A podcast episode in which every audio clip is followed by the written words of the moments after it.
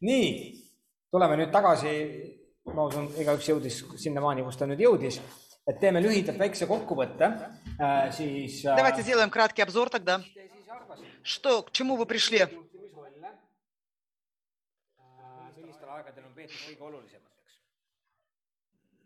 Какие роли были самыми главными? Первое. У нас был первый по четвертый век, с 5 по 19 в общем, и здесь 20 век. Хорошо, что вы предложите?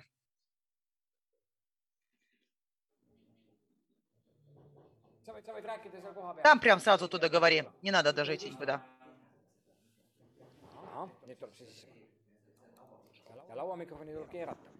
Ага. Мы думаем, что в то время, когда вот все это христианское движение начиналось, э, что были важны и как бы все, все эти роли, они были очень важны.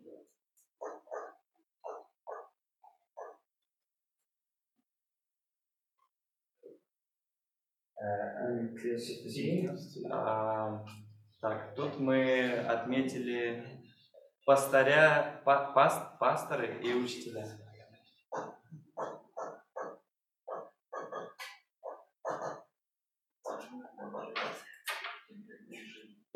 А в последнем а, апостолы и евангелисты.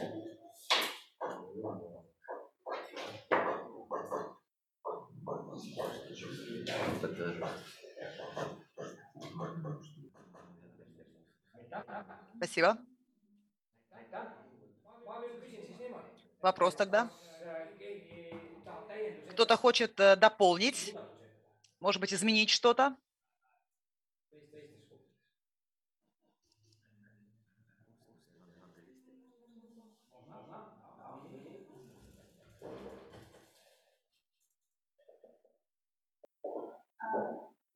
Ну, мы обратили внимание, что именно э, первой части э, наибольшее значение имели апостолы, потому что дальше это как бы прекратилось. А именно в первой части вот апостолы, они были таким очень ключевым решением. И евангелисты тоже, которые завоевывали новых людей. Потому что в первое время нужно было завоевать прямо хотите весь мир. Это была максимально глобальная такая цель. Поэтому сейчас, например, мы не можем сказать, э, называть человека, что это апостол апостол. Мы даже такое слово сейчас уже почти не употребляем.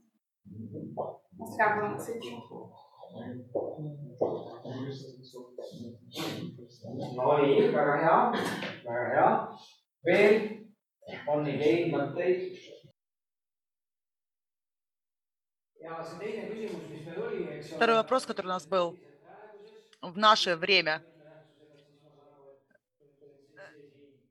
это то, что здесь у нас написано, правильно? Можно сказать, что пятигранное.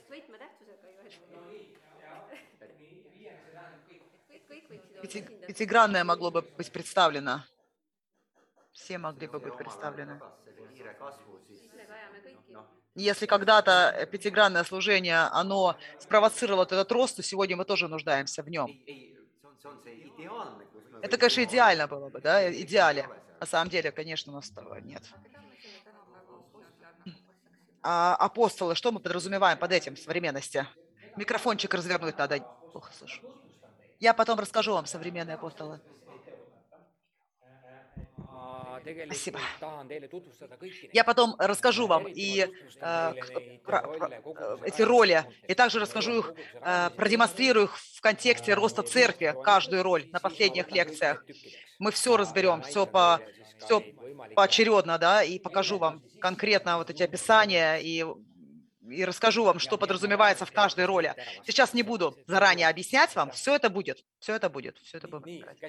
Хорошо, рука. Быть на месте, не должен идти. И так боятся слова апостол. Ну, вот, что вот сейчас э, они, ну, я ну, во многих церквях бывал, ну, вижу такое наблюдение, ну, наблюдал, что э, относятся хорошо к учителям, к пророкам, может быть, и па- пасторы, а вот именно апостол, это как что-то что-то неприемлемое для 20 века, что это как будто как пережило, пережило свое это время и больше они не нужны. Я так не считаю. А что ты сам думаешь? Почему бояться? Вот я не знаю. ei tea, okei okay.. Я думаю, здесь разные причины есть. Сам. terminit kardetakse. Почему этот термин бояться? äh, selline Я думаю, что самая такая большая причина это то, что мы видели людей, которые сами называют себя апостолами. И второе, apostlik одно, э, второе, э, Это, допустим, когда у тебя есть какие-то свойства и характеристики апостола, тебя называют другие апостолом, то, говоря об апостолах и в, ра- в рамках наших всех лекций, я буду говорить о, об, о роли апостола или о функции апостола, и также о роли пастора и функции пастора, а не о титуле апостол и титул. Потому что апостол это тоже как термин, это как титул может, титул может быть. Именно вот такое значение получил. В Эстонии нет такой проблемы, а в некоторых странах мира везде все апостолы.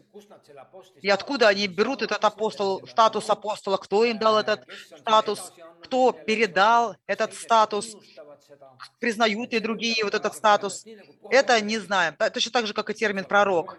На мой взгляд, это два термина, пророк и апостол, и сатана здесь тоже сделал свою работу, потому что он и- немножко извратил вот эти вот э, понятия. Поэтому здесь мы иногда можем быть аккуратны. А ну мы, мы будем говорить о функциях евангелиста, учителя, пастора, и будем говорить о сути. Хорошо? Поэтому вот в таких рамках мы будем говорить об этих, об этих. Мы еще думали о, о пророках, о том, что пророки, они важны на всех этих трех стадиях, но почему-то вот именно в среднем, э, с 5-19 век, мы видим очень мало таких пророков, пророческого служения. Почему такое может быть? Бог как будто бы стал меньше говорить. Вот, тоже такой и вопрос, и мы заметили. А еще хотела добавить про 20 века, ой, про наше время, точнее, не про 20 а про наше, что сегодня как бы как будто стало какое-то такое уравновешение во всех служениях, и сегодня стало актуально просто лидерство, лидерство над любым служением. Как, как бы мы вот перешли к такому, что ты можешь быть лидером, евангелистом, собрать свою команду, или там лидером, э, еще в чем-то. То есть сегодня каждое служение стало очень важным, появилось даже разные служения еще больше.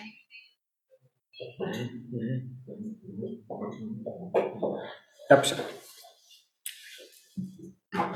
täpselt. nii, väga põnev. Очень интересно. Очень, очень здорово то, что вы говорите. Очень интересно. Что мы теперь видим? Мы видим, что э, в плане роста церкви вот эти роли руководящие важны. Есть э, некоторые роли, которые направлены больше на рост, а некоторые больше на пояснение. Апостол, допустим, пастор, учитель, прор- пророк, евангелист. Пять. Пять, э, пять р- ролей. Но прежде чем мы сегодня закончим, давайте посмотрим на три важных этапа, о которых мы с вами говорили. Первые, первые четыре столетия. Какая была ситуация в то время в обществе? Не христианская, не христианская была ситуация и мультирелигиозная. Множество религий были. Почему христиан гнали? Потому что они говорили, что мы не будем служить э, многим богам, да, мы служим только одному Богу, поклоняемся только одному Иисусу. И это было такое общество, где христианство стало расти. Что еще характеризует это время? Христианство в то время должно было доказывать себя для того, чтобы выжить. Это как и каждое новое предприятие, новая церковь. Сначала нужно получить силу и вырасти для того, чтобы доказывать потом что-то. То есть христианство должно было себя доказывать для того, чтобы выжить в дальнейшем. И это время э, характеризует очень большие гонения христиан.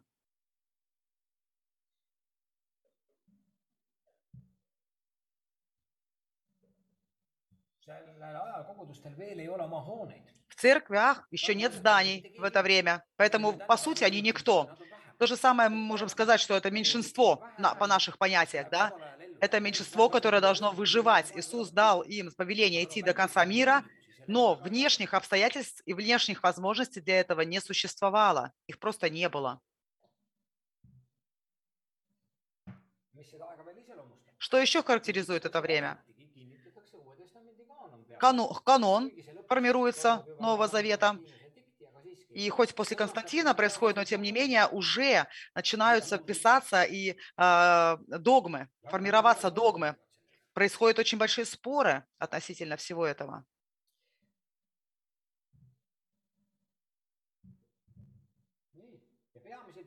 И главные руководящие э, роли действительно пять.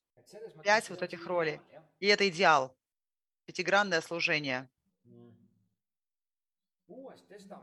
В Новом Завете нигде, нигде нет э, такого единого руководства. В Новом Завете везде есть э,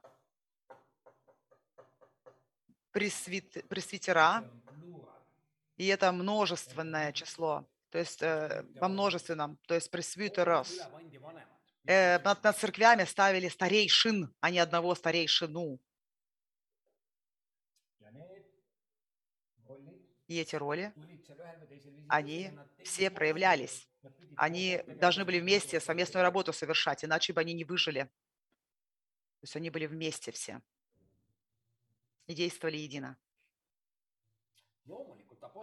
Конечно же, у пос- апостолов была такая ключевая роль.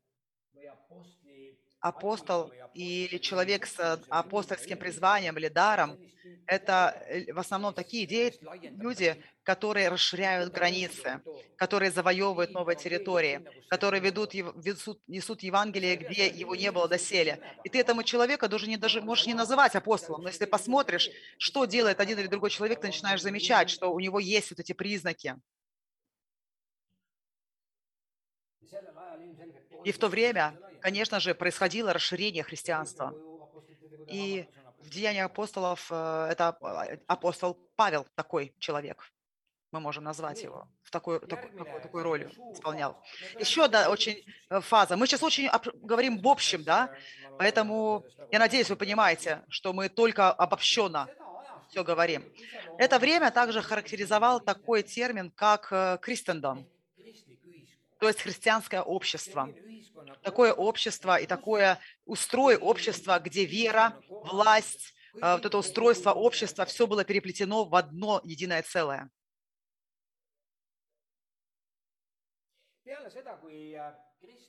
После того, как христианство стало государственной верой, тогда э, руководители церкви и епископа должны были заниматься вопросами э, о насилии.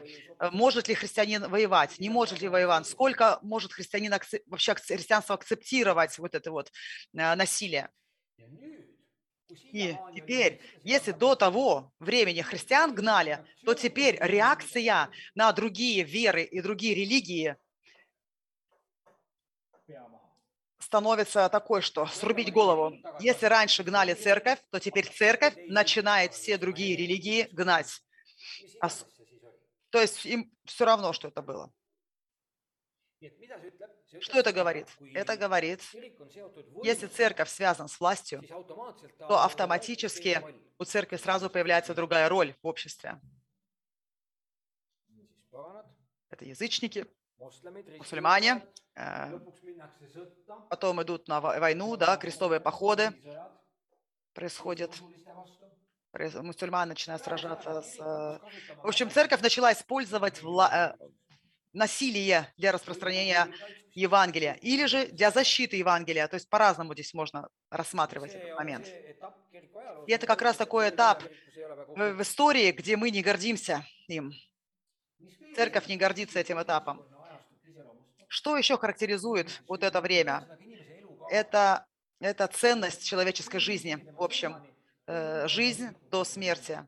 И все это происходит в, в рамках церкви, под контролем церкви. То есть это означает, что человек, когда рождается, его крестят сразу же, он сразу становится членом церкви, сразу с младенчества, у него нет уже выбора. И когда он умирает, тогда церковь хоронит его. А если он умирает каким-то другим путем, э, какой не приемлем церкви, то тогда церковь не э, э, хоронит его в своем, своих, на своем кладбище, а за пределами. И все события в жизни человека связаны с церковью. То есть можно сказать, что у людей нет веры. Они не могут выбирать, хотят они христианином или не хотят быть христианином. Такое общество. У тебя нет другого выбора. Ты просто рождаешься христианином, и все. Также воспитание детей, школы, образование. А это все было под руководством церкви. Церковные школы существовали, монастырские школы разные, приходские школы. И церковь, она очень много работы провела в этом направлении. Это были церковные школы. И образование происходило также через церковь, в рамках церкви. И, как я уже раньше упоминал, относительно крестовых походов, также и вера, она была фанатичной. И, и она не пренебрегала, вот эта фанатичная вера не пренебрегала властью, и э, властью, и не пренебрегала, не пренебрегала мечом, чтобы свою власть утвердить. И Павел говорит очень четко. Он говорит, что, э, что что правителю дано власть и, и э, власть и меч. Э, а кто был правителем? Поэтому они делали, что хотели. Поэтому переплетение веры и власти, оно спровоцировало такие вещи, результатом которого результатами которого мы как бы стыдимся, да, и, и я не хочу сейчас оценивать, я просто вам показываю, что происходило и что характеризовало вот этот этап.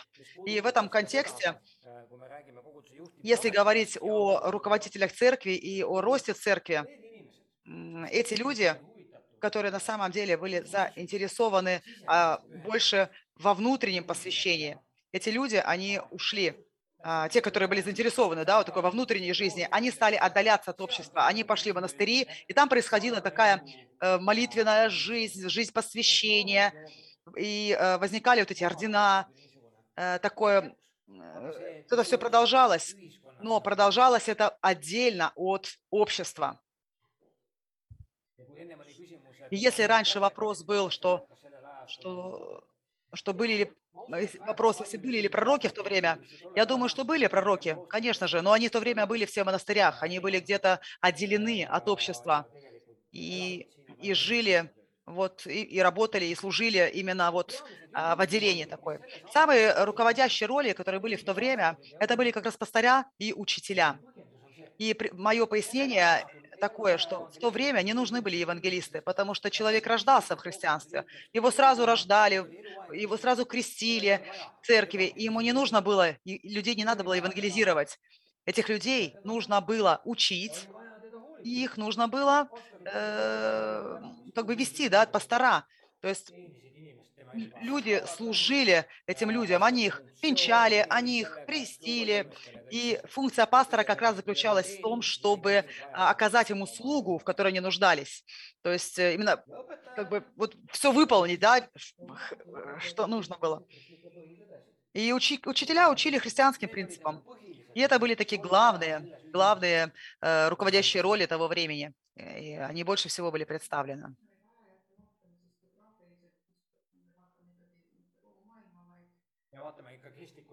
Мы смотрим сейчас западное общество, да, не весь мир. Мы рассматриваем сейчас Европу.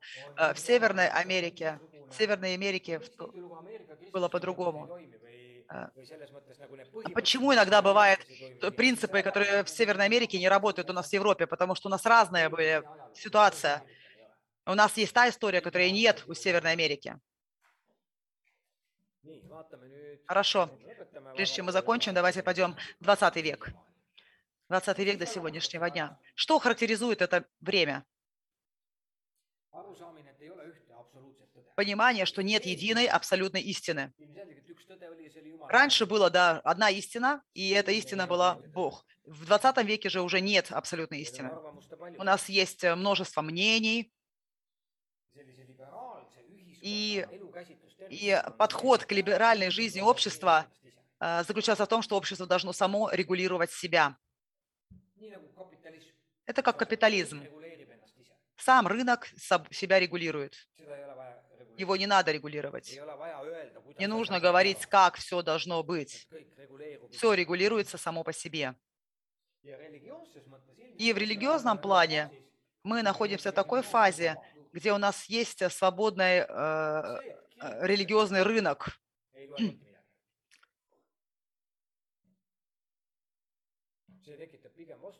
И, и церковь уже здесь не играет такой роли. Иногда бывает наоборот, церковь больше люди недовольны. И они, люди считаются, что вот церковь, наверное, хочет сохранить свою власть еще с прошлых времен, поэтому она так напирает на всех. Поэтому к церкви отношение меняется. И, и в церкви мы уже не пон- поняты. э, И в этом плане мы возвращаемся обратно в контекст ранней церкви. Но единственное различие, что у нас теперь уже багаж 15 веков с собой. 15-вековой багаж. И у Павла, и у других апостолов не было такого в первом веке. И теперь вопрос, как теперь нам с этим багажом идти дальше?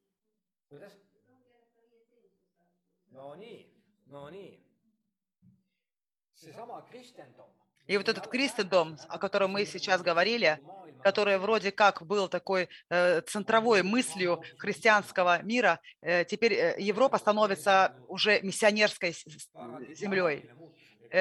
Изменилось, произошло кардинальное изменение. Мы теперь уже страна для миссии. Можно сказать, что э, э, с- самой большой церкви это не европейские церкви, а мигрантские церкви, церкви мигрантов. И это реальность, в которой мы сегодня живем. И самые важные руководящие должности, которых, которых мы нуждаемся в наше время, это снова евангелисты и апостолы. Это не значит, что мы в других не нуждаемся, а нам нужно видение, нам нужно решение, нам нужны новые подходы, инновативные подходы, и, может быть, совершенно отличающиеся от прошлых э, времен. И, и нам нужны люди, которые мыслят э, за пределами коробочки, да, пастора и, уч- и учителя, они тоже те, которые хранят, сохраняют. Но нам нужны такие люди, я не могу сказать, что такие это апостолы и евангелисты, нам нужны просто люди, которые имеют вот эти свойства, вот эти вот дары, которые помогают нам думать за пределами ситуации, в которой мы сейчас живем. Конечно же, мы нуждаемся в пятигранном служении. В этом вопроса нет, нам все нужны. Но нам нужно освободить время, освободить место именно для людей вот этого типа, евангелистов и апостолов. И когда я буду описывать потом, я буду объяснять, то вы поймете, почему. Потому что эти люди, они иногда выводят нас из зоны комфорта, и нам не всегда это удобно, мы не всегда это хотим. Так, посмотрим, что у меня тут еще есть.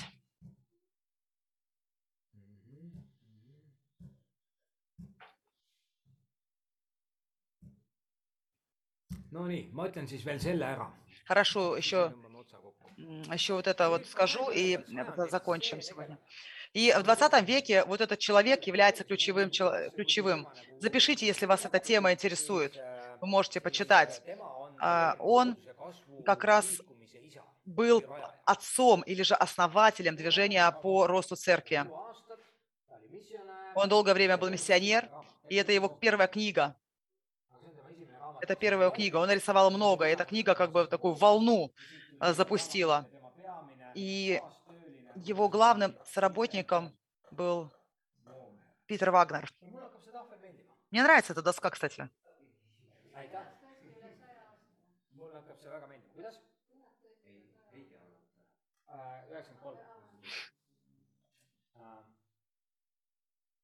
ja И Дональд э, Гавран, Гавран, что он говорит? Какие есть преграды для роста церкви? Он говорит, э, проблема, когда миссия не в фокусе. Миссия должна быть в фокусе. Он пошел дальше и сказал, что, что все нужно забыть, а заниматься только проповедью Евангелия. И все. Я здесь немножко не согласен. Ну ладно. Он очень большое ударение делает на миссии. Второе, что он говорит, он говорит, как результат миссии люди придут э, в культуру, культ, общество, в культуру церкви, и они пропитаются этим и не пойдет уже в мир. И, и что происходит? Через 3-4 года э, люди настолько впитываются христианской, пропитываются христианской культурой и уже теряют своих неверующих друзей. И он говорит, что это неправильно.